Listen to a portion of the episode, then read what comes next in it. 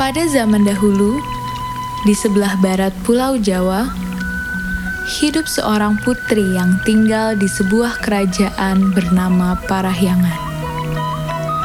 Putri itu bernama Dayang Sumbi. Dia merupakan seorang putri yang cantik dan cerdas. Namun, dia merupakan putri yang manja. Suatu hari, ketika dia sedang menenun di beranda istana, dia menjatuhkan pintalan benangnya berkali-kali.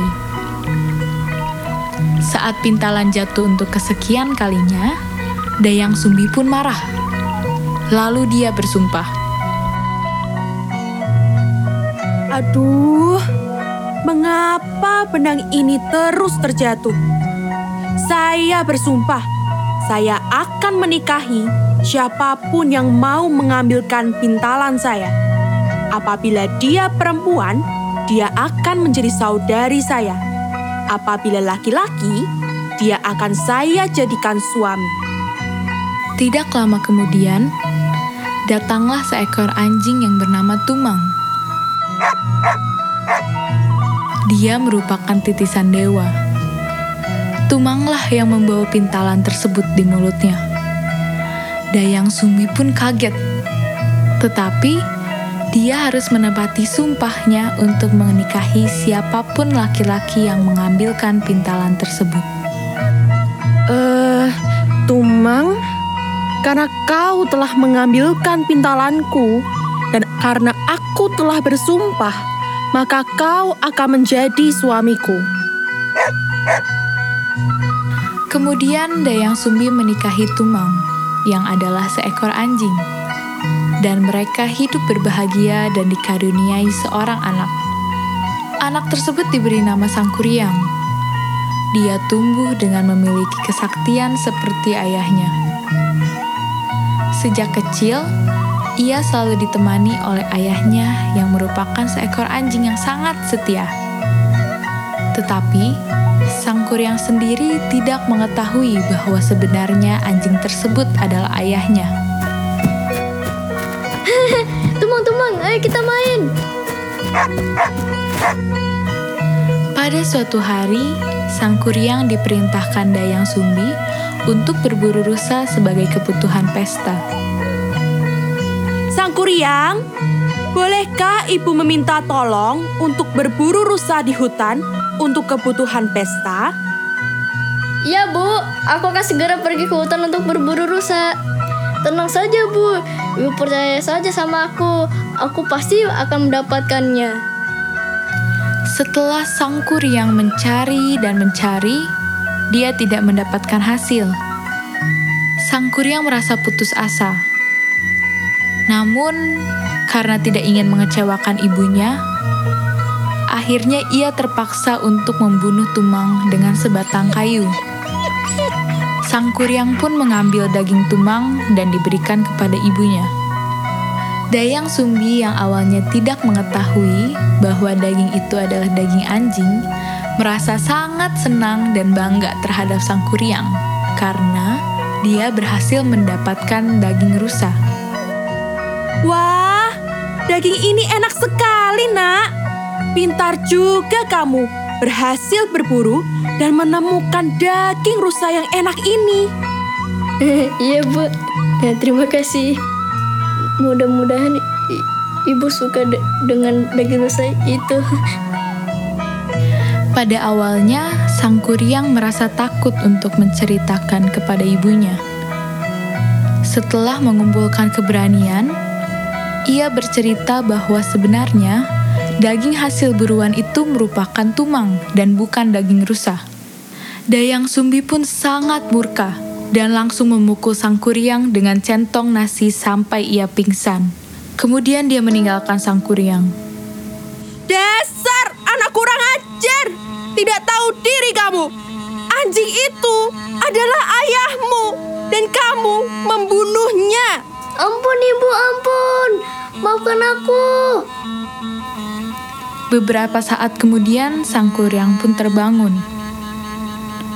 Kepala dia sangat sakit, dan saat dia menyentuh kepalanya, dia menyadari bahwa ada luka yang lebar di dahi kepalanya. Sang Kuryang pun marah dan merasa sakit hati. Ia pun pergi dari istana dan mulai mengembara. Setelah kejadian tersebut, Dayang Sumbi sangat menyesali dirinya. Dia menjadi tekun untuk berdoa kepada dewa dan rajin bertapa. Dewa lalu memberikannya awet muda selamanya dan kecantikan yang abadi. Waktu mulai berlalu, dan sang kuryang sudah beranjak dewasa. Suatu hari dalam perjalanannya, ia bertemu dengan seorang wanita yang sangat cantik. Sang kuryang pun langsung jatuh hati dengan wanita tersebut. Ia ingin sekali melamar wanita itu, yang sebenarnya adalah Dayang Sumbi. Cantik sekali wanita itu. Siapakah dia? Andaikan aku dapat menikahinya. Tanpa mereka ketahui, mereka sebenarnya ibu dan anak, Sang Kuryang melamar Dayang Sumbi. Dan dia menerimanya dengan senang hati.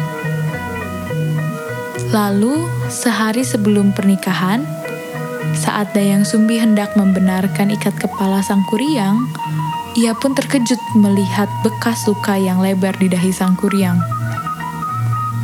Dayang Sumbi pun bertanya tentang cerita di balik luka itu. Kang, apa yang terjadi dengan dahimu ini? Mengapa aku baru menyadarinya sekarang ya?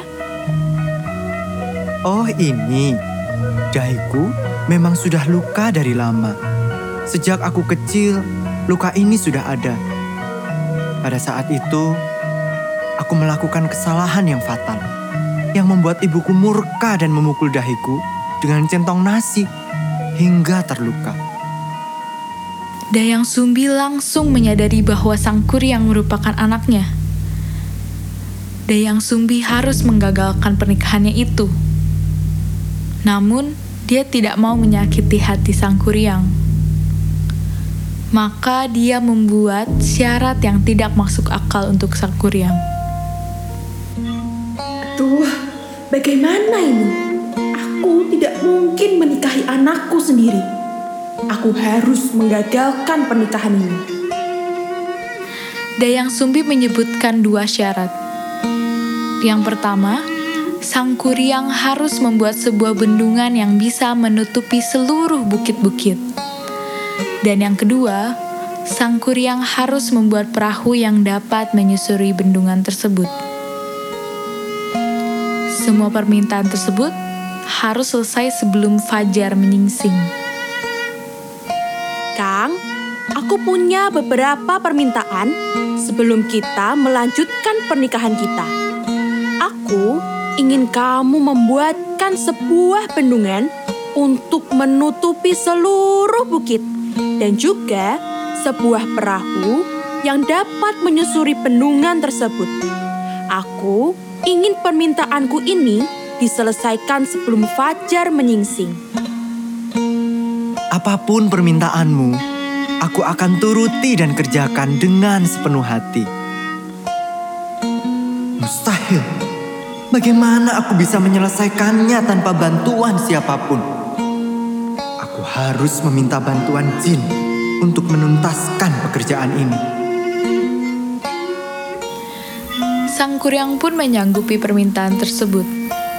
Tetapi, ia tidak sendiri. Ia meminta bantuan kepada jin untuk membantu mengerjakan permintaan Dayang Sumbi. Dengan lumpur dan tanah, ia mulai membendung air dari sungai dan mata air. Kemudian Sang Kuryang menebang sebuah batang pohon besar untuk membuat sebuah perahu. Dan ketika Sang Kuryang hampir selesai, Dayang Sumbi menjadi gelisah. Dia berdoa kepada dewa-dewa supaya matahari terbit lebih cepat daripada waktunya. Dewa, tidak mungkin menikahi anakku sendiri. Tolonglah untuk menerbitkan fajar lebih cepat daripada waktunya. agar semua jin yang membantunya kabur dan tidak bisa membantu Sang Kuryang. Dayang Sumbi juga meminta bantuan kepada ibu-ibu untuk menumbuk padi lebih awal. Dewa kemudian mengabulkan permintaannya. Matahari terbit lebih cepat dari waktunya. Para jin yang membantu Sang Kuryang menjadi takut. Ayam-ayam pun mulai berkokok.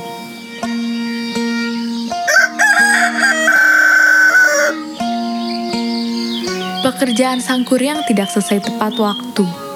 Ia pun merasa gelisah dan marah. Ia yakin betul bahwa dia masih memiliki waktu untuk menyelesaikan tugas-tugasnya. Tidak mungkin. Matahari tidak mungkin terbit secepat ini. Apa yang harus aku lakukan?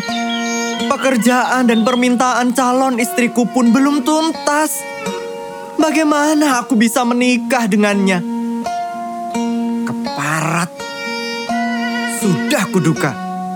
Aku ditipu. Sang Kuryang pun menyadari bahwa ia dicurangi oleh Dayang Sumbi.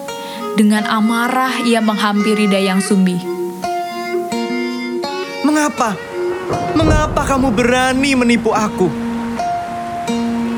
Dengar Sang Kuryang, aku tidak mungkin menikahi kamu karena aku adalah ibumu. Tidak mungkin.